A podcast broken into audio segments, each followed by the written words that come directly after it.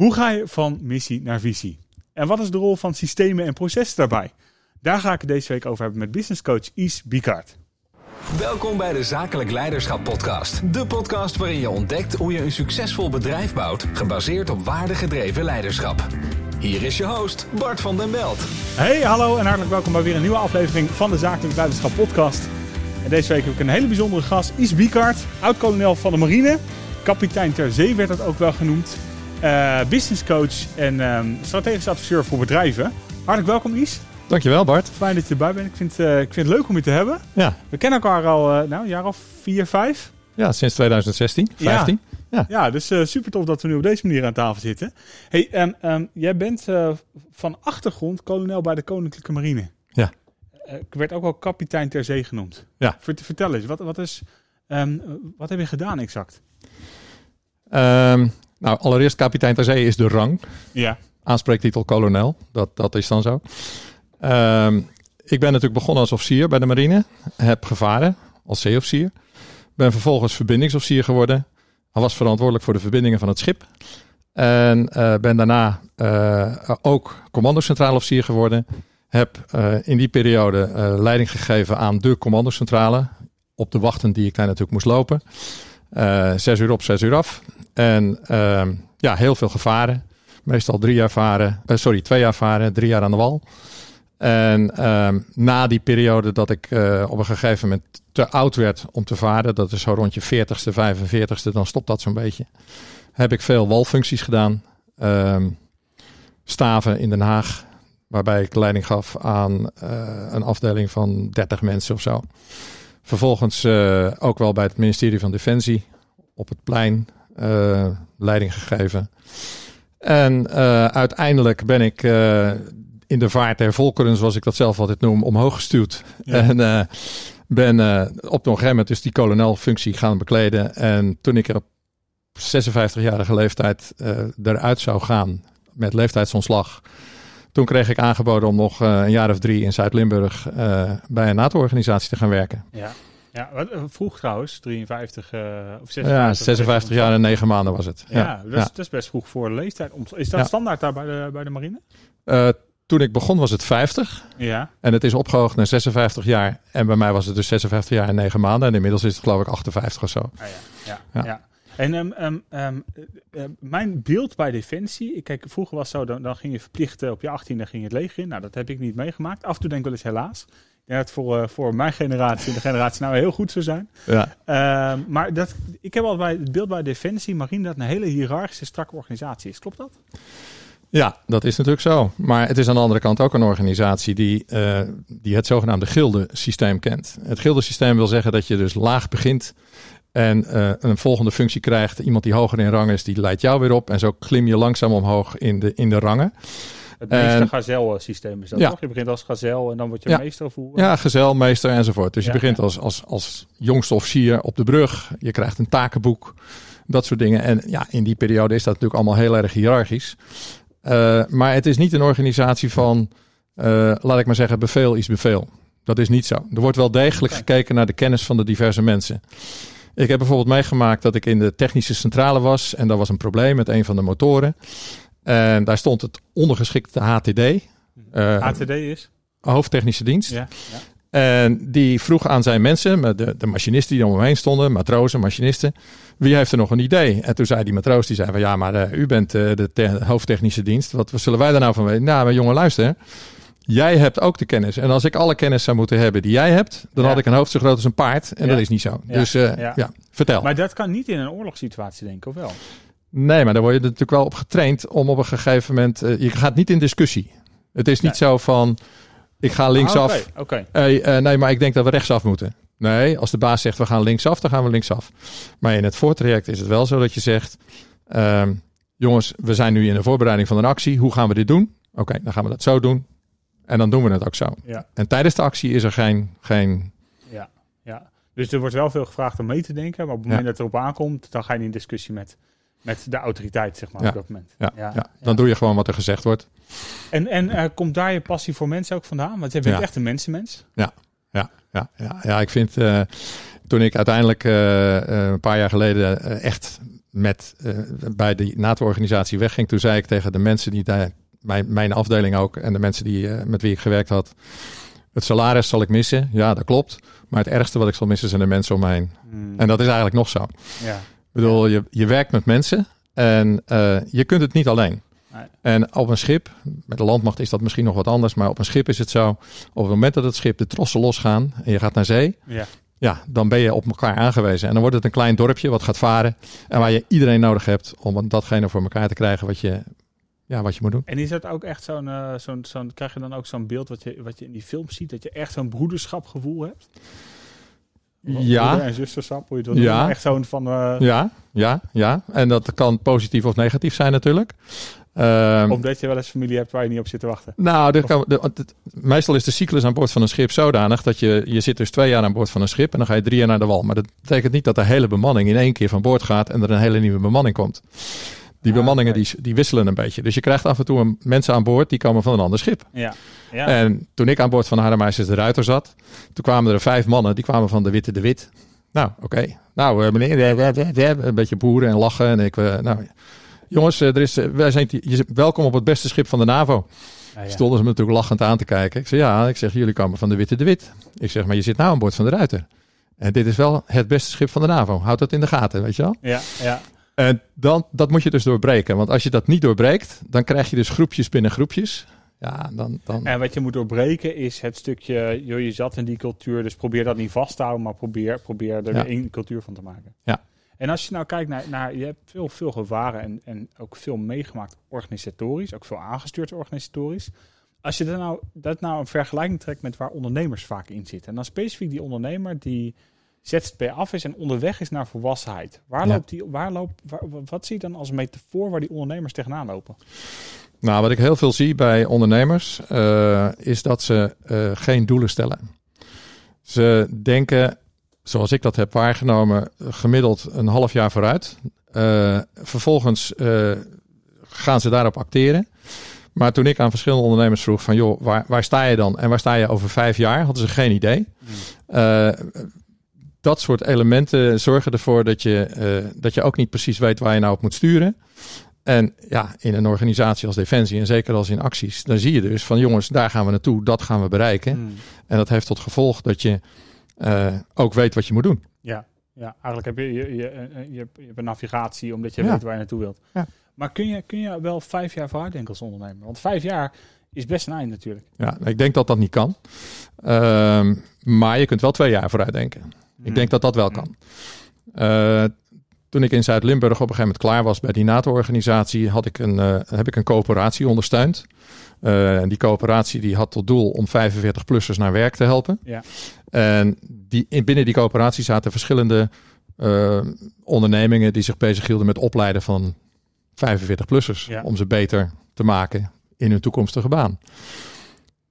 Ik wist toen al in Zuid-Limburg dat er twee of drie jaar later een probleem zou zijn, gelet op de leeftijdsopbouw van Zuid-Limburg hmm. en het feit dat daar dus dan heel veel werklozen zou zijn. Ja. Nou, drie jaar later was het zover. En die ondernemers die daar waren, hadden dus ineens geen personeel meer. Want dat hmm. personeel wat daar ging werken, verdween ook naar België en Duitsland. Ja. En hadden ze geen rekening mee gehouden. Ja. Ja. Probleem. Ja. En hoe kun je dat voorzien dan? Ja, door vooral goed om je heen te kijken. Vooral te kijken wat gebeurt er in mijn omgeving. Daar hebben we natuurlijk die zo bekende SWOT-analyse heb je daar dan voor. Ja. Sterkte, zwakte, intern en kansen en bedreigingen extern. Als je dus wil kijken naar je buitenomgeving, buiten je eigen bedrijf, moet je vooral kijken van waar liggen mijn kansen en waar liggen mijn bedreigingen. Ja, ja en dat is wel mooi bij de SWOT-analyse, dat elke bedreiging zit ook een inherente kans in, hè, wat je wil zien. Ja, ja, Ik, ik, um, um, ik ga je zo meteen nog even wat, wat, vragen over stellen, want ik vind het wel interessant. Maar ik, ik zei nog heel even één dingetje wat mij net even bleef hangen toen je dat vertelde, is dat, dat een matroos start met een takenboek, takenlogboek, zei je. Maar dat klinkt niet als iets, iemand die zelfstandig nadenkt. Dit klinkt als iemand die gewoon operationeel een lijstje dingen afvinkt. Of, nou, ja, in dat takenboek staan natuurlijk opdrachten. En die opdrachten moet hij uitvoeren. En voor mij, uh, het is niet alleen de matrozen die een takenboek hebben het eerste jaar. Het, is ook, het zijn ook de leerlingen of sieren die een takenboek hebben. En laat ik dat dan maar als voorbeeld nemen. Want dat takenboek van die matrozen ken ik niet zo goed. Maar wel van, van mezelf. Dat betekent bijvoorbeeld dat ondanks het feit dat ik dus opgeleid zou worden voor uh, varen op de brug op dat moment, hè, als nou ja, in leken termen dan misschien stuurman op de brug, Ja. moest ik ook in de machinekamer meelopen. En dat was dus een hele waslijst aan opdrachten die ik moest doen. En ik moest ook de wacht lopen in die machinekamer. En ik moest ook dingen controleren. Ja. En ik moest dat ook uitleggen na de hand. Van joh, je bent nou bij de, bij de watermaker geweest. Want aan boord van een zeeschip maak je zelf water uit Ja. zeewater. Ja. En dan moest ik kunnen uitleggen hoe dat in elkaar zat. Dus het is niet een lijstje van dingetjes die je moet afvinken. Nee, het gaat om een serie opdrachten ook dat je, dat je Ja. meer van de organisatie begrijpt dan dat Ja. ene plekje waar je Ja. staat. Alleen, ehm, hoe verhoudt dat zich dan tussen, met talentontwikkeling? En mensen zien in hun kracht zetten en, ze, en hun ontwikkelen. Want dit is, dit is, ja, je wordt aangenomen voor A, maar je moet ook B doen. Hier is de checklist. Ik maak het even plat, maar Ja, ik snap wat je zegt. Ehm, als je natuurlijk begint in dat systeem gezelmeester, komt er op een gegeven moment een situatie waarbij jij zelf als leidinggevende boven zo'n hele club van die mensen staat. Misschien niet zozeer Mm. over die machinekamer, Ja. maar vergis je niet Bart, op het moment dat ik op de brug sta en ik roep tegen de machinekamer volle kracht vooruit, moet ik wel weten wat ze beneden moeten doen. Mm. Dus ik heb er dan beeld bij wat dat betekent. Ja, dus eigenlijk zeg je, dan heb ik ook een beeld als ik wat roep, dat ik de implicaties in de organisatie zie. Ja. Ja, Ja, dat weet je dan ook meteen. En dat, misschien hoef je het dan ook niet helemaal precies te weten. Maar je hebt wel ongeveer een idee van nou, als ik dat ga doen met het schip, dan betekent het dat en dat voor de bemanning. ja, ja.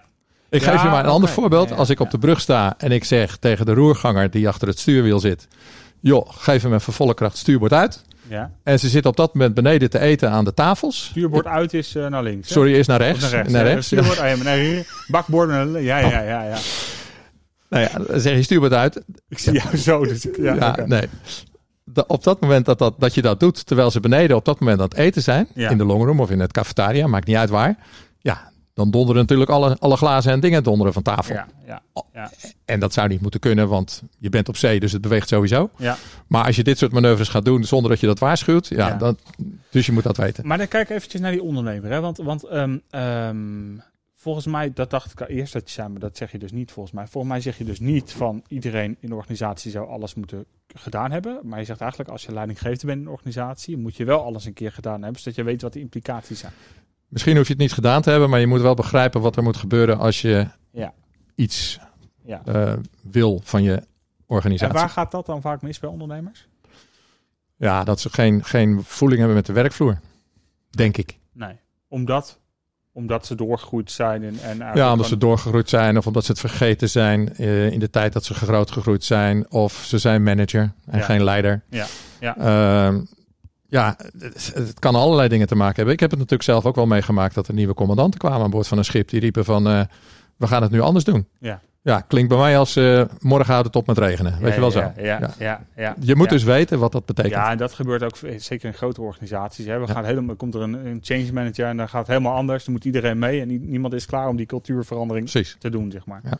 Als je kijkt naar het MKB Canvas, zit jij aan de binnenkant van de cirkel. Hè. Je hebt het over eh, mensen, financiën, systemen, processen. Eh, wat ik mooi vind is, als ik jouw website bekijk, maar ook als ik met je praat, dan heb je het altijd over waar wil je naartoe. Hè? Je bent best wel toekomstgeoriënteerd, eh, maar je bent ook vanuit, vanuit fundament georiënteerd, van, nou, van missie naar, naar, naar visie. Eh, waarom is het zo belangrijk om een missie en een visie helder te hebben als ondernemer? Ehm, omdat dat je een. Kijk, je missie is eigenlijk van waarom, waarom ben ik er? Dat is je missie. Ja. En dat moet je dus voor jezelf bedenken als organisatie of als ondernemer. Als je dat niet helder hebt, dan ontstaat er een soort van zwabber situatie waarbij je alle kanten op vliegt en roept vandaag ga ik chocolade verkopen en morgen ga ik schoenen verkopen en overmorgen dan doe ik weer wat anders. Ja, Als je voor jezelf scherp hebt waar je missie zit, dan kun je ook focus hebben. ja, En dan kun je ook bepalen voor jezelf, ehm, samen met die visie dan uiteraard, welke dingen je wel moet doen om je, je missie te halen of niet. Hm. Eh, om je doelen te bereiken. Als je een missie hebt, kun je ook je doelen formuleren om daar te komen. En als je je doelen hebt, dan kun je ook aangeven welke acties je moet pakken en welke Ja. acties niet. ja. En daarom En is het zo belangrijk. de missie het uitgangspunt of is de visie het uitgangspunt? Hè? Want, want missie is eigenlijk, je, je, je start vanuit een vertrekpunt en gaat dan definiëren wat je moet doen om dat grotere geheel waar te maken. Als je start bij een visie, ga je een soort reverse engineering doen. Hè? Dan ga je terugrekenen, wat, wat moet ik dan doen? Eh, zou je dan zeggen, start bij een missie of start bij een visie? Of, of zijn ze allebei nodig? Ze zijn allebei nodig. In mijn optiek zijn ze allebei nodig. Maar ze, ze, ze, in, ze, ze haken in elkaar. Ik bedoel, Ja. het is niet zo.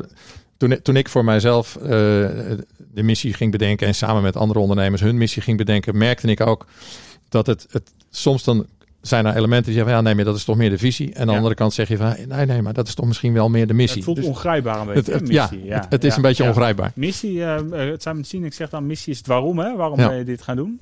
En de, en de visie ehm, zegt hij eigenlijk, daar kun je twee manieren naar kijken. Ik heb het al eerder tijdens de podcast over gehad. Je hebt de finite game en de infinite game. Finite game is, het gaat alleen maar over de doelen die je stelt. En als je die bereikt, dan kun je hem afvinken. En de infinite game gaat over, het, het is een continu herijken van ben ik nog mijn missie aan het leven. Ja, en dat is wel, dat is, dat is, ja. Ja. Eh, dus, dus je zegt missie, visie zijn nodig en daaruit komen je operationele tactische doelen. Ja. Eh, Nou, eigenlijk, eigenlijk komen daaruit, komt daaruit dus uiteindelijk een strategie. Hè? Ja, want wat is, wat is strategie dan? Hè? Ik ben even benieuwd, zeker vanuit jouw context, omdat je natuurlijk in een hele strategische organisatie hebt gezeten. Wat, wat is hoe zou een marinier strategie definiëren? Eh, ja, dat is een moeilijke vraag. Ehm, laat ik het zo zeggen. Als je eh, je missie hebt en je visie, dan kun je een plan maken. Een groot plan voor vijf jaar. Wat we toen deden. eh, waarmee je die missie en die visie daadwerkelijk, hè, je, je droom eigenlijk, wat het oorspronkelijke eh, uitgangspunt is, waarmee je dat kunt realiseren. Uit die strategie volgen dan korte termijn doelen. Dus een strategie is eigenlijk meer van ik moet die kant op en zo ga ik dat doen. En dat moet ik, om dat te bereiken, moet ik die en die stappen nemen. Ja. ja, en ik weet dat veel grote organisaties ook scenario planning doen. Hè? Ja. Wat als de omstandigheden niet zo zijn als we hadden verwacht, dan hebben we scenario B of C. Zou je dat ook adviseren voor ondernemers? Ja, kan. Ligt een beetje aan de grootte misschien. ook. Ligt aan de grootte van het bedrijf. Ja. Ligt aan wat, hoe, hoe scherp het allemaal is. Hoe scherp die missie en die visie is. Als het niet zo scherp is, ja, dan moet je wat variëren. En je kunt het ook best veranderen. Ja. Waarbij ik overigens de ervaring heb dat je missie meestal niet zoveel verandert, maar je visie wel. Ja. Ja. En, en dat is, ja, En, en eh, die, die missie, is dat dan de missie van de organisatie of is dat de missie van de ondernemer? organisatie.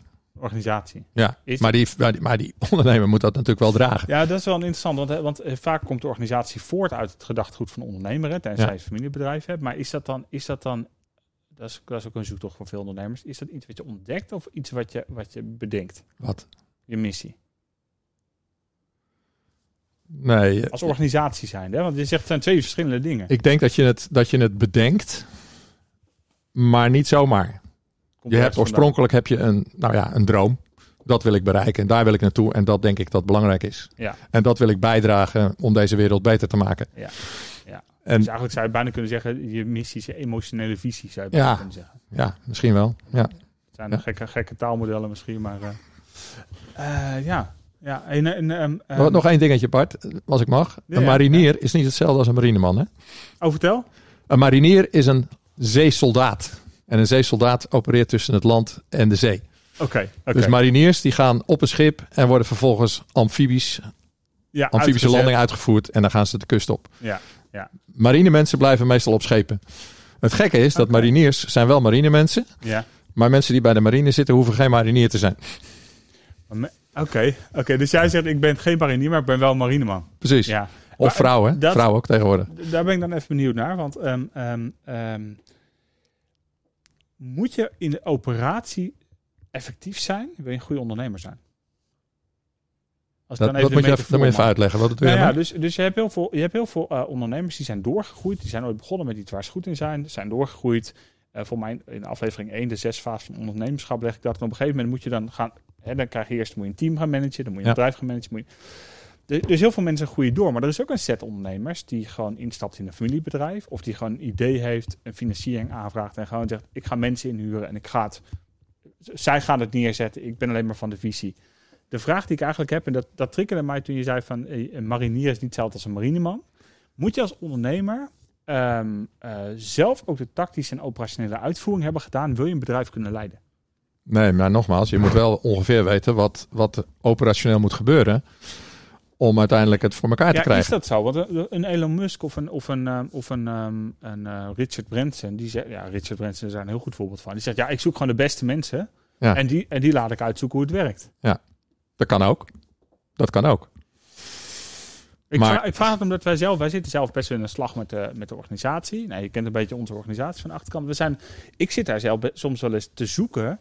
Ik ben heel goed in de inhoud, maar mijn probleem is dat ik dan in de inhoud blijf hangen. Hè? Dus, Ja. dus eh, ik heb hele goede mensen om me heen. Ik heb ook een hele goede zakenpartner eh, die, me- die me operationeel en, eh eh, onderste- en tactisch ook ondersteunt. Ehm, maar ik als ondernemer ben toch wel geneigd om bezig te zijn met de inhoud en de uitvoering. Terwijl ik weet dat ik een stap verder moet zetten. Je bent dus te veel bezig met hoe. Ja, ja maar en te weinig bezig met, met leiding geven, roep ik dan maar. Ja, maar ik vind hoe zo leuk. Ja, Snap je wat ik bedoel? ja Ik nee, maar dat, dat heb ik ook. Dat, ik vind hoe ook zo leuk. dat brandt het hart een beetje. Ja, dat is altijd mijn valkuil. Hè? Toen ik, toen ik, eh, ook toen ik nog in Zuid-Limburg zat, wel, ja, leiding gaf aan een afdeling. Ik wist natuurlijk precies hoe. Ja, En dan krijg je medewerkers die niet weten hoe. ja. Nou, ja. en dan ga je ze dat uitleggen. maar dat is een risico. Daar zit een groot risico en daar ben ik ook al een paar keer ingetrapt. Eh, tot, tot, tot zo erg dat een medewerker werkelijk huilend bij mij in de, in de kamer stond en riep van Is, nou moet je je toch eigenlijk eens even met je eigen zaken gaan bemoeien. Oké, oké. En dat, ja, dan schrik je heel erg als dat gebeurt, want je bent enthousiast voor iets en je wilt het graag goed doen. Ja. En als je dan te veel bezig bent met hetgene wat je medewerkers aan het doen zijn Ja, en je daar echt tegenaan gaat lopen moeien, Ja. ja. dan gaat het dus niet goed. Want dan voelen de mensen op de werkvloer voelen zich te veel gecontroleerd, ja, terwijl ze zelf een uitstekend idee hebben hoe het zou moeten.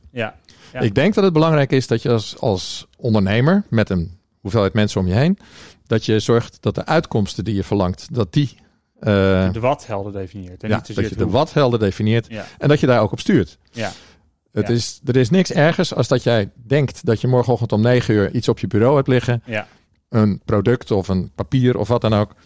En ze komen je om vijf voor negen vertellen dat het niet gelukt is. ja, ja. Ja, dat is, dat is niet goed. Maar dat is, dat is eh, waar veel ondernemers, eh, daar ben ik in het verleden ook veel de mist mee gegaan. Dan, dan, dan dacht ik, ja oké, ik laat het hoe los, dus dan weet ze ook al wat het wat moet zijn. Hè? Ja. Dus ik laat de weg naartoe los, dan weet ze wel wat de uitkomst moet zijn. Maar, maar de, je moet soms wel als ondernemer de uitkomst heel specifiek definiëren. En ook het, hè, dus wie doet wat wanneer, moet je Ja. vrij helder soms hebben. Ja. Wil je ook het hoe kunnen loslaten. Ja, maar daar is één voorwaarde voor. Dat is dat degene die de, de opdracht aanneemt, Ja, jouw werknemer of wat dan ook, dat die, dat die geregeld feedback geeft naar jou als ondernemer. En dat betekent dus dat je die openheid ook moet geven aan je. Van hey, luister, als je het niet helemaal begrijpt of je loopt onderweg tegen een probleem op, kom het alsjeblieft vertellen. Ja, ja, en dat is wel mooi, want nu, refereer je eigenlijk aan cultuur. Dat deed, Ja. je ook, dat deed je ook eerder toen je het had over die twee schepen die bij elkaar kwamen. Wat is, wat is ehm, en dat is bij een ZZP'er misschien wel iets minder relevant dan bij de kleine MKB of bij de grote MKB'er. Wat is, waarom is, nou, wat is het belang van cultuur in een organisatie? Voor, volgens jou? Nou ja, dat is in ieder geval eh, de kernwaarde die je in je bedrijf hebt, dat ze begrijpen hoe het zit. Dat ze Mm. met z'n allen het gevoel krijgen dat ze met z'n allen iets op de mat zetten. Ja. ja. Het, het is wat dat betreft ook geen, geen, geen rocket science, zoals ik altijd roep. Je moet met z'n allen het gevoel hebben dat je ertoe doet, Ja, dat je erbij hoort en dat je het met z'n allen op de mat brengt. Dus het product eh, ondersteunt. ja, ja. En als die cultuur niet goed is, en ik heb dat natuurlijk ook best wel een paar keer meegemaakt, dat dat niet echt lukt. Ja, dan heb je dus een enorme uitdaging als ondernemer. ja. Want dan zitten er dus mensen in je organisatie die niet datgene doen waarvan jij denkt dat ze het eigenlijk wel zouden moeten doen. En dat heeft waarschijnlijk ook direct impact op de motivatie van die mensen. En, ja, en, en impact op je product. Mm, mm. Omdat? Nou, ik geef maar een voorbeeld. Stel dat je, eh, eh, je krijgt klachten van je klanten, want er wordt steeds maar te laat geleverd. Ja, En er blijkt dat de logistieke afdeling eh, heeft het allemaal prima voor elkaar. De productieafdeling die heeft het ook voor elkaar. Maar ze zitten elkaar te bestoken met verwijten ja. dat op het moment dat zij een reservedeel nodig hebben om Ja. een machine te repareren, dat dat, dat dat reservedeel er niet is. Ja. ja, ja, ja, ja. en dan krijg je natuurlijk een eh hully-zully verhaal. En dat is niet goed voor En de organisatie. Hoe doe je dat dan? Hoe creëer je een cultuur waarin, waarin die veiligheid is om die openheid hebben met elkaar? Nou, ik denk dat het belangrijk is dat je geregeld eh, ja, contact hebt met je medewerkers. Ik denk dat je als ondernemer ook eh, door je bedrijf heen moet lopen als het ergens Mm. anders is. Betekent dus veel tijd kwijt Ja. met dat soort dingen. Ja, En dat betekent dat je dat als er ergens een probleem op de werkvloer is, dat je en, en dat ligt aan een andere partij, dat je die twee partijen bij elkaar brengt en dat gaat bespreken. ja, Van jongens, hoe kunnen we het nou beter doen? ja. ja. En dan ook de randvoorwaarden creëert en hoe communiceren we met elkaar en hoe zijn Ja. we open met elkaar. Ja. En. Wat ik zo mooi vind is, daar ben je dus veel tijd in kwijt. Dat is mijn weerstand. We hadden het net even over volwassen worden als organisatie. Mijn weerstand is continu, Eh, eh, en ik weet dat dit, dit is mijn leiderschapschallenge. Dus ik heb, ik heb ook een leiderschapsuitdaging. Mooi, Bart. Eh, mooi. De, mijn, mijn, ik heb helemaal geen zin daarin. Ik denk, jongens, doe gewoon wat je moet doen. Eh, ga- gas erop. ik vind het, ik vind waarom- het productief, productief zijn vind ik zo leuk en relevant... dat ik eigenlijk bijna geen tijd wil besteden. En ik vertel het omdat ik weet dat heel veel productieve, daadkrachtige ondernemers hier ook mee zitten. Eigenlijk vind ik dat zoveel belangrijker dan die cultuur creëren. Maar, maar het gevolg is dat je dan alles alleen doet. Ja. Wat zou je nou tegen een ondernemer zeggen die dat doet? Continu geneigd om het zelf te doen, dat hij die productiviteit belangrijk vindt dan dat teamstuk. Nou, ik denk dat ik tegen die ondernemer zou zeggen: bedenk eens wat er zou gebeuren als je een maand ziek bent. Ja. Hoe zou dat dan verder gaan met je bedrijf? Ja, Denk Ja. je dan, denk je dan Ja. dat dat bedrijf nog blijft draaien? ja, ja. Of is het eh, als de kat van huis is, eh, piepen de muizen? Weet je wel zo? Ja, ja. Nou ja, dat, is- dat is wat wij zeggen altijd. Je hebt, je hebt eigenlijk twee niveaus. Je hebt, je hebt ehm, ehm, zelfstandig groeiende, of zelfstandig draaiende bedrijven, zelfstandig groeiende bedrijven. Ja. Zelfstandig draaiende bedrijven zijn de operationele processen zijn uitbesteed. Kunnen Ja. anderen ook doen. Zelfstandig groeiende bedrijven weet iedereen wat hij moet doen ook om nieuwe klanten binnen te halen en de molen te laten draaien, zeg maar. Ja. De, de wiel. Het wiel te laten draaien. Ja. Dat is nog wel een uitdaging voor veel ondernemers hoor, om daar, daar te komen. Ja, maar goed, als je je processen natuurlijk op orde hebt en je organisatie eh, eh, eh, is goed ingericht en alle mensen weten wat ze moeten doen, Ja. ja, dan moet het ook zonder jou kunnen. Ja, in ieder geval een aantal nodig- weken. Wat heb je dan nodig om die systemen en processen op orde te brengen? Nou, in ieder geval moet je de processen zoals je ze, zoals je ze laat ik maar zeggen, eh, bedacht hebt, moet je checken of dat ook inderdaad gebeurt. Ja, En dat is niet altijd leuk werk, moet ik je zeggen. Want ik heb dat natuurlijk heel vaak moeten doen. ja, Eh, het, eh, en in die periode toen ik, eh, toen was ik hoofd management control ja. bij de Defensie Materieelorganisatie. En dan analyseer je een proces. En dat is, ja. Kijk, in het jargon heet dat de administratieve organisatie. Zo Ja. heet dat. ja, ja maar goed, ja. dat, daar zitten die processen in. En die ondersteunende processen zijn van belang, maar ook de productieprocessen zijn van belang. En je moet ze allemaal analyseren. Mhm. En als je ze korter kunt maken, dan heb je dus winst, Efficiëntieslag. efficiëntieslag. Als eh fout lopen heb je zeker een efficiëntieslag, want dan heb je dus minder klachten. Ja. En ja, het, het is iets wat je, wat je moet doen. En ook dat kost weer tijd. Maar dat is, dan uh, ga ik gelijk even naar mijn eigen organisatie. Want we hadden het hiervoor, hadden we het eventjes in de voorbespreking gezegd, het zijn eigenlijk vier soorten controleorganisaties. Ja. Dus voor ZZP'ers misschien minder relevant, maar voor MKB's is het zeker relevant, denk ik. Je hebt een financieel controller. Ja. Je hebt iemand van de interne bedrijfsvoering. Ja. Je hebt een in- interne onderzoek, auditor. En je hebt management control. Nou, financieel controller kan, heeft iedereen een beeld bij. Hè? Kloppen de inkomens en uitgaven en wordt alles Ja. op de juiste kostenplaats geboekt, et cetera. Interne bedrijfsvoering heeft denk ik ook iedereen een be- beeld bij. Ja, dat is dus, ja, hoe, hoe zitten de processen in elkaar en klopt dat met de systemen die we hebben? Dan heb je het interne onderzoek en auditor. Ja, dat is eigenlijk het. Als je een grote organisatie hebt, dan heb je zo iemand. Eh, soms is het een combinatiefunctie met een van de andere controllers. Maar dat betekent gewoon dat je intern onderzoekt of er geen fouten zitten. Ja. Ja. En dan een heel simpel voorbeeld is. wel echt een behoorlijke organisatie hebben, wil dat nuttig zijn, denk ik. Hè? Want met Nou. drie man op de loonlijst schiet dat niet echt op, of wel? Nou, nee, laat ik je een voorbeeld geven. Als je bijvoorbeeld eh, twee mensen hebt en de een doet eh, de, de administratie van inkomende facturen en de andere doet de administratie van de uitgaande facturen. Oh ja. En die twee, die ene man wordt ziek en die andere man neemt het over. Ja. Dan zou het zomaar kunnen zijn dat die, dat die mannen elkaar, ja, dat een van die twee dat geld naar zijn eigen rekening overmaakt. Bewust of Oh, onbewust. zo. Ja, ja, ja. Dat is echt een controllerfunctie. Echt een controlerende ja, functie. en dat betekent dus dat als je je processen inricht, moet je dat zodanig doen dat dat dus niet kan gebeuren. En hoe kun je dat doen dan? Nou, dan ga je dus als leidinggevende, moet je helaas pindakaas dat zelf gaan lopen controleren. Op het moment dat de Als- ene ziek is. Als je klein MKB'er bent. Je Ja. hebt daar mensen niet voor. Ja, Ja. ja, ja. Het kan dus niet zo zijn dat, dat, dat declaraties, dat is het bekendste voorbeeld, dat declaraties willekeurig zomaar betaald worden zonder dat iemand checkt of dat goed gaat. Ja, ja nee, oké. We, we hebben in het verleden wel gehad. Ik ben, ik ben heel erg van, de, van het vertrouwen. Dus Ja. ik heb een team van twaalf mensen, maar ik heb niemand op de loonlijst. Dat, is ook altijd, dat, dat gaat wel weer gebeuren, maar dat is altijd mijn doel geweest. Ik wil niemand op de loonlijst hebben. Ehm, ehm, Jessica, die bij ons de back-office doet, die regelt alles. Ja, en ik, prima. ik kijk er nooit naar, eigenlijk. Ik- prima. Ja, het, het zal, het zal wel goed zijn. Nou, nu komt Ernest erbij. Nu gaat Ernest een stukje van die interne controle doen. Die gaat een verbeterslag maken. Ehm, waarom vertel ik dit eigenlijk? Er was, er was iets waarom ik dit vertelde. Nou, je begon met, eh, er zijn vier soorten controle.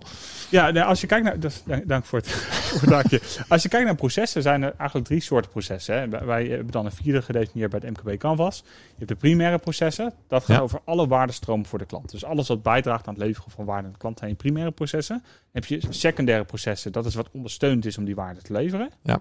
Dan heb je bedrijfsvoeringsprocessen. Dat is hè, de, de, de cyclus om je bedrijf te verbeteren. En wij noemen dat creatieve processen. Dat is zeg maar de eh, R&D, het Ja. ontwikkelingsproces, de, de persoonlijke ontwikkeling van mensen, dat soort Heb dingen. je de besturende processen dan ook genoemd? Ja, die zit in de bedrijfsondersteunende processen in, bij oké. kleine MKB. Oké. Eh, wat is het verschil ertussen? Tussen, tussen een bedrijfsondersteunend proces en een bestuurlijk proces? Ja, een bestuurlijk proces is natuurlijk van bovenaf. En een bedrijfsondersteunend proces eh, is facilitair. Dat is van Ja, onderaf. sorry, ik haal ze door elkaar. De secundaire processen zijn de bedrijfsondersteunende processen. dan. Dat is wat je dan zegt, toch? Ja. Volgens mij. Ja, ja. Ehm, dan ben ik een ZZP'er. Hè. Pak even een an- heel ander, ander, Ja. ander, andere slag. Je bent, je bent ZZP'er, je bent lekker bezig, je bedrijf gaat prima, maar je agenda zit vol, je hoofd, je hoofd zit vol. En dan hoor ik dit verhaal en denk ik, oké, wat moet ik hier nu mee? Wat zou ik hiermee kunnen als, als ik, als ik zeg maar in die fase zit? Ehm, wat, je, wat je als ZZP'er heb je in feite al die rollen. Dat, is, dat maakt het zo lastig. Hmm. Daarom is een ZZP'er, je moet ook ontzettend hard werken. Ja, Want naast Ja. het normale werk wat hij moet doen om zijn product op, op de mat te brengen, moet hij ook nog eens een keer al die ondersteunende processen doen. Ja. Nou, een van de dingen die natuurlijk belangrijk is, is dat bijvoorbeeld je financiële proces moet op orde zijn. Dat wil zeggen, als jij iemand eh, iets geleverd hebt, dan moet er een factuur uit. Ja, En als die factuur over tijd is, dan moet je dus zorgen dat die factuur, eh, dat er een herinnering uitgaat dat die factuur alsnog betaald wordt. ja. ja. Dat betekent dat je om de zoveel tijd moet checken, is die factuur betaald? Hmm. Dat kun je trouwens allemaal automatiseren. Daar hoef je verder niet, dat, dat, dat hoef je niet allemaal s'avonds met bonnetjes in een schoenendoos en dat soort dingen. Dat hoeft allemaal niet. Je kunt dat gewoon automatiseren. Ja. Dat moet je wel doen. Want als je geen geld binnenkrijgt, ja, dan heb je op een gegeven moment dus een liquiditeitsprobleem. Ja, ja, ja. Nou, dat- ja, ja. En dat, dat soort dingen. Ik, ik zeg wel eens tegen ZZ, je moet zorgen dat, dat dat soort dingen in het, in het proces, dat dat goed loopt. Hmm. Interne controle, nou dat, dat ben je zelf, daar ben je zelf bij. Daar hoef je als ZZP'er niks aan te doen. Af en toe even reflecteren, doe ik nog wel de juiste dingen. Ja, ja. Besturende processen hoef je als ZZP'er niet zoveel aan te doen, want dat, ook dat ben je zelf. Dat zit meer in persoonlijk leiderschap. Nou ja, noem eens een voorbeeld van een bestuurlijk proces. Als je het hebt over persoonlijk leiderschap voor een ondernemer. Eh, nou, je kunt bijvoorbeeld, eh, ik zelf heb nog wel eens last van eh, uitstelgedrag. Ja, Dat is dan zo'n dingetje, dat ja, heb ik dan gewoon even geen zin in. ja, Persoonlijk leiderschap zegt dan natuurlijk van ja jongen, dat moet je dan niet doen. Dit is een vervelende taak en je moet zorgen dat het nu even uitgevoerd wordt. Dus Ja. moet je in je agenda zetten. ja. Morgenochtend om acht uur is het eh, administratie doen. ja wij, wij trainen altijd je hebt, je hebt moeten en willen. En dan heb je nog een derde categorie, dat zijn gewoon taken. Hè? dat, dat, dat is je uitstel. ja, ja. Dus ja, het is heel vervelend als je, als je bepaalde taken moet doen als, eh, als eh, ZZP'er die je eigenlijk liever niet doet. Ja. Eh, ja, dan kun je zeggen van nou, besteed ik uit. Laat ik iemand anders doen. Ja. Dat ja. kan. Ja, dan moet je voldoende verdienen, wil je dat Ja. gaan doen. Hè? Want dan ga je direct af van je salaris. Ja, ja. Ja. Ja, of, je moet, of je moet die hefboom gebruiken, hè, zoals jij ons altijd geleerd hebt. Van oké, ik kost 40 euro per uur en die blogschrijver kost maar een tientje per uur. Nou, dan kan dat meisje kan vier uur voor mij schrijven terwijl ik ondertussen aan het produceren ben. Ja, ja, ja. Als ik een blog schrijven kan inhuren voor een tientje per uur, dan... eh nee, maar, ja, maar dat, dat, is voorbeeld, is- ja. Je moet weten waar je economische hefboom ligt. En dat Ja. is eigenlijk waar, waar ben je het allerbeste in als ondernemer. Ja. En dat is het stuk wat je zelf moet doen. Ja. Ehm, stel je voor dat je bent een ondernemer en je bent heel goed in, het, in, in de oranje cirkel. Hè? Dus in marketing, in verkoop, in het leveren van je producten, in de relatiebeheer. Maar dat hele stuk financiën, systeemprocessen, op team aansturen, daar heb ik echt daar heb ik niks mee. Wat, zou je dan adviseren? Mij inhuren. Want? Nou, dan gaan, we er sa- dan gaan we er samen naar kijken. En dan gaan we kijken van eh, hoe kunnen we dat dan zodanig inrichten dat het goed zit. Want je Ja, moet het natuurlijk één keer goed inrichten. Je moet het daarna nog wel een keertje.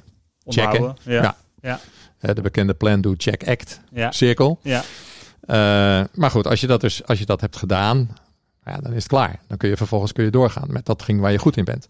En moet je dat dan zelf leren? Ik denk nog even terug aan die matroos met die takenboek. Moet je dat dan zelf leren? Of zeg je, dat je moet gewoon iemand hebben die het voor je regelt en je, en je bijspijkert bij wat er is gebeurd? Ik denk dat je het op hoofdlijnen moet weten. Ja. Je hoeft het niet zelf te kunnen. Dus als je niet goed bent in systemen, om, om dat te automatiseren, dan kun je dat Ja. uitbesteden. Ja, ik zeg altijd, het is zeg maar net als dat je moet weten waar het lichtknopje zit, maar je hoeft niet te weten hoe de stroom naar de meter kan Precies. floten. Precies, Ja, precies, ja, precies. Ja. Mooi. Maar ook hier moet je dus kijken van wat moet de uitkomst zijn. Als Dus- ondernemer verlang je een uitkomst uit dat proces. Ja. ja want En dat, en dat is dan tevens de ingang voor het volgende stukje van het proces. Maar dat maakt niet uit. Het, dat is het. Nou, dat maakt wel uit. Ik vind het vrij relevant wat je zegt. Je zegt, dit, dit, dit, het uitkomst van het proces is het beginstukje van het volgende proces. Ja. Vertel eens. Nou, een proces bestaat maximaal uit zeven stappen. Zelfs het bouwen van een schip. Meen je dat? Ja, zeven stappen. Maximaal. Oké, ik schrijf mee. Daar komt hij. Ja. We maken een tekening van het schip. Een plan. Ja. Vervolgens eh, gaan we dat schip op de werf bouwen. Ja. Eh, vervolgens gaat dat schip eh, naar zee. Ja. Dat zijn alleen nog maar drie stappen. Dus, dus Ja. het maken van een tekening, het bouwen van het schip en naar zee gaan. Ja. Het maken van die tekening bestaat natuurlijk ook weer uit zeven stappen. Namelijk het voorschip, het middenschip en het achterschip. Dat moet allemaal getekend worden en moet ook nog op elkaar passen. Ja. Dus die tekening van het voorschip moet wel passen op die tekening van het achterschip. Ja. Ja. Voorschip zelf, dat bestaat ook uit zeven stappen. Want dat heeft weer een aantal dekken. Ik, ik, ik, ik denk nu al, ik ga nooit een schip halen als ik dit doe. Nee, moet je ook niet doen. Moet je ook niet doen, maar je kan het beter kopen. Nee, maar dat is dus de grap. Elk proces maximaal zeven. Oké. Even de hoofdlijnen. Je zegt een plan bouwen en, en, dan, en dan naar zee brengen. Heb Ja, uiteindelijk is het schip natuurlijk klaar, het is gebouwd en dan gaat het naar zee. Er zijn maar drie schappen en dan heb je een schip van de tekentafel naar... Oh, zo. Het is dus niet zo. Ja, oké. dus ik denk, nu komen er zeven stappen, maar je zegt, dit zijn er maar drie. Dit zijn er maar Waarom drie. zijn het er maximaal zeven? Want ik moet gelijk denken aan. Kijk, ik, ik ben altijd op zoek naar universele principes. En ik weet, als je een papiertje vouwt, kun je die niet vaker vouwen dan zeven keer. Kijk, Ik vind het best dat, wel. dat, dat is nou voor mij weer nieuw. Ja. Nou ja, als je een papiertje vouwt, ze hebben Ja? het, moet je eens op YouTube zoeken. Ze hebben echt met een sheet van, van 100 bij 100 meter geprobeerd. Je kan een papier niet vaker dan zeven keer vouwen. Oké, En als jij dan zegt, het proces bestaat niet meer uit zeven stappen, ben, denk ik, oh, er zit een universeel principe onder. Ja. Wat, wat, wat- ja, dat weet ik eigenlijk niet. Ik heb nooit over nagedacht. Ik heb er ooit les in gehad. En toen eh, zei de, de docent van ja, eh, het zijn maar maximaal zeven stappen. Nou, ik En toen zeiden wij altijd van ja, maar dat past toch nooit. Want een schip bouwen is toch veel meer stappen. Ja, nee, maar dat zijn dus allemaal deelprocessen. Die allemaal uiteindelijk leiden tot... Ja, tot één misschien is het principe dan wel, want ik, ik, als ik, ik denk als ik ons handboek erbij pak, we hebben best wel uitgebreid opleiding, of, eh, organisatiehandboek, ook opleidingshandboek trouwens. eh, dan denk ik ook dat elke stap niet meer, elk proces niet meer dan zeven stappen is. Ja, Dan klopt. hebben we het inderdaad opgedeeld in kleinere stappen. Ja. Ehm, ja, eigenlijk wat, wat, wat, wat er dan gezegd wordt is, elk groot probleem bestaat uit een kleiner probleem. Ja. Ja, ja, ja, ja, mooi. En dat is misschien ook wel, dat is, waar staat je mee als je een ondernemer helpt? Waar, waar ik mee start? Ja, waar start je mee? Is dat- is Nou, wat ik, meestal, wat ik meestal doe is eh, natuurlijk informeren van wat voor bedrijf heb je, eh, informatie vergaren. Ja. daar begint het mee. Nou, stel dat ik daar een beeld van heb, dan eh, vraag ik ook natuurlijk van waar, en waar wil je dan over twee of een paar jaar staan? Mhm. Eh, Wat denk je? Eh, een van de vervolgstappen is dan dat we dat ook opschrijven. Ja, Eh, hij schrijft het op. ja, Ik wil het al voor hem helpen opschrijven, maar hij is daar verantwoordelijk voor. ik ben dus niet ja. verantwoordelijk voor het resultaat, dat is hij zelf. ja, Ik begeleid dat alleen. Ehm, vaak zit er natuurlijk een SWOT-analyse in. ja, Ehm, ja, en dan hebben we vaak die missie en die visie gedefinieerd ergens. En dan maken we een plan. Ja. Als iemand bij mij komt en die zegt van... joh, ik heb een groot probleem in mijn bedrijf. Ik, ik weet niet precies waar het zit, maar kun jij dat eens voor mij uitzoeken? Dan ga ik dus een risicoanalyse doen. Mm. En dat betekent dat ik dus met allerlei verschillende mensen ga praten. Ook met de ondernemer zelf natuurlijk. Eh, en dan koppel ik steeds terug. En dan uiteindelijk komt daar een probleem uit en een oplossing. En dan Ja. is het resultaat van dat werk is een verbeterplan. Maar dat maak ik dan ook meestal zelf. Ja, en er komt een, een root cause, eh, er komt een probleem uit, bedoel Ja. de root cause. Er komt een, een probleem onder het probleem komt daaruit. Ja. Hè? Dat is waar je Ja. naar op zoek gaat. Dus eigenlijk zeg je als iemand een ambitie heeft, dan ga ik een IS en een SOL maken. Waar staan ze nu? Eh, en waar willen ze naartoe? En Precies. van daaruit, wat is de missie en visie om ook, om ook dat emotionele commitment te hebben van ga ik het doen? En daaruit komt het plan. En als er een probleem is, een acuut probleem, dan zeg je dan ga ik inventariseren waar de, de grondoorzaak ligt. En gaan we daar een strategisch plan op, op maken om dat op te lossen. Ja. Oh, mooi. Ja, dat verbeterplan, want dat is dan de, dat, alleen het plan maken is er natuurlijk niet. Dan moet je uiteindelijk ook checken of dat verandert. Mm. Want een verbeterd is natuurlijk om te verbeteren. Ja, of het ook, ja. Dus wat je moet doen, is ook zorgen dat, dat er bepaalde checks zijn in de loop der tijd. Kijk, het begint ermee dat je zegt, verbeterplan eh moet over twee maanden willen we dit en dit gerealiseerd hebben. Ja. Nou, dat betekent dat je dus over een maand bijvoorbeeld gaat kijken, waar staan we dan nu in die verbeteringen? Lopen we voor of lopen we achter? Mm. Ja, dat betekent ook dat je de prestatieindicatoren tegenaan moet zetten Ja. op Ja. een verbeterplan. Ja, op basis van wat weten we dat we aan het verbeteren zijn. Ja, is het dan verbeterd of hebben we het inderdaad goed gedaan? Je kijkt ook even terug. Hebben we het inderdaad goed geanalyseerd? Klopt het inderdaad wat we bedacht hadden? Ja, zodat je kan bijsturen in het proces Precies. naartoe. Ja. ja, mooi. Ja. Ja, en dat is, ik denk dat dat ook vaak bij, waar het bij ondernemers vaak misgaat. Er is een probleem en, en dan gaan ze pleisters plakken. We gaan, het, we gaan op Ja. oppervlakniveau gaan ze het fixen in plaats van wat is nou de onderliggende oorzaak. Ja. Wij geloven heel erg vanuit, vanuit, vanuit onze organisatie dat onderliggende oorzaak altijd leiderschap. Ja. De leider is altijd het probleem. Of de, de, het, in, een, in, een, in een grote organisatie, het managementteam is het probleem. Ja. Want die moeten ervoor zorgen dat de rest het doet. Sluit dat ook aan bij, jou, bij jouw visie als, als um, marineman? Uh, ik vind het leuk dat je dat vraagt, want er schiet me gelijk een voorbeeld te binnen wat, waar het dus inderdaad bij de leidinggevende zat, maar niet op het, op het hogere niveau, maar op het onderliggende niveau. Middelmanagement. Middenmanagement, daar zat het probleem. Er waren twee uh, mensen op dat niveau, on, uh, onderofficieren, die zagen het helemaal niet zitten wat we gingen doen. Mm. Dat doet er nou niet zoveel toe wat we gingen doen, maar het was binnenliggend in een haven en er moesten bepaalde dingen gebeuren. Die zagen dat niet zitten. En ik heb had elke week overleg. Op maandagmorgen, mannen, even bij elkaar. Ja. We gaan even kijken waar we staan. Hoe is de afgelopen week gegaan? En er waren twee mensen die zagen dat helemaal niet zitten. Mm. Nou, toen had ik dus een probleem. Want ik was dat topniveau op dat moment. Als enige trouwens. Maar uh, dat betekende dat ik dus die twee mensen moest overtuigen dat het toch wel nuttig was wat we gingen doen. Ja. Dat heb ik alleen niet gefixt. Uh, ik had daar een van de andere twee voor nodig. Uh, een van de andere drie, sorry, had ik daarvoor nodig. En die uh, heeft toen met die, deze twee mensen gesproken. Ze hebben nou, dit en dit is het plan. Ja. Laten we het proberen. Ja. Dus Misschien eigenlijk vanuit de, de formele leider, dan krijg je een soort machtsverhouding. Ja. Dus laten we kijken of ik een informele leider bij kan halen die, die dan dat Precies. beïnvloedt. Ja. Interessant. Heel leuk. Ja, ja. Nou, leuke dingen gedaan toen. Is er nog iets wat heel relevant is dat we nog niet hebben besproken? Waarvan je zegt, dit is als je nu, als je nu een ondernemer bent en je luistert, hier een probleem. Zou dit iets zijn waar je mee aan de slag kan? Nou, wat, ik, wat mij altijd opviel, en dat viel me toen ook op in Zuid-Limburg, dat is dat ehm, MKB, ondernemers, vier tot vijf werknemers zeg maar, kleine MKB, heeft het altijd heel erg druk. Hmm, ja, hij heeft nooit tijd om ja, te Als het crisis is, dan is er geen tijd eh, en geen geld om aan het bedrijf te werken. En als er geen crisis is en een hoogconjunctuur, dan is er geen tijd, want we zijn bezig om hard te werken. Ja, ja. En mijn advies aan eh, elke ondernemer is: zorg dat je tenminste één keer in de week, al is het maar twee uurtjes, over je eigen bedrijf nadenkt. En bedenkt van, ben ik nog steeds de goede dingen aan het doen? En doe ik nog steeds de goede dingen? Ja.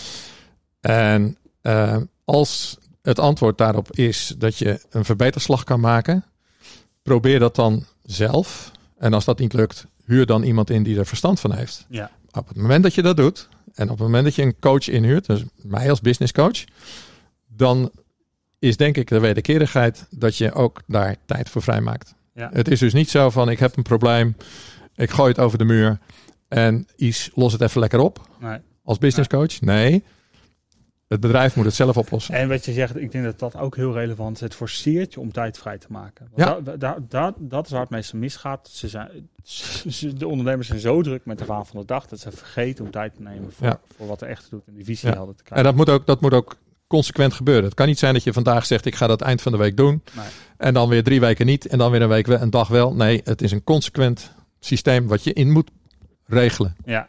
in Ja. je Ja. systeem. Ik, eh, ik wil je onwijs bedanken voor het gesprek. Ja, het een graag leuk gedaan. Ik vond het leuk. En Ja. ik vond het ook leuk om, ehm, eh, om je visie vanuit, eh, vanuit, het, ja, vanuit de marine mee te krijgen. Ehm, nogmaals, dankjewel. Graag gedaan Bart. Ik vond het heel leuk. Mocht je meer informatie willen over Is, kijk eens op zijn website visualincrease.nl of zoek even op Is Bicard.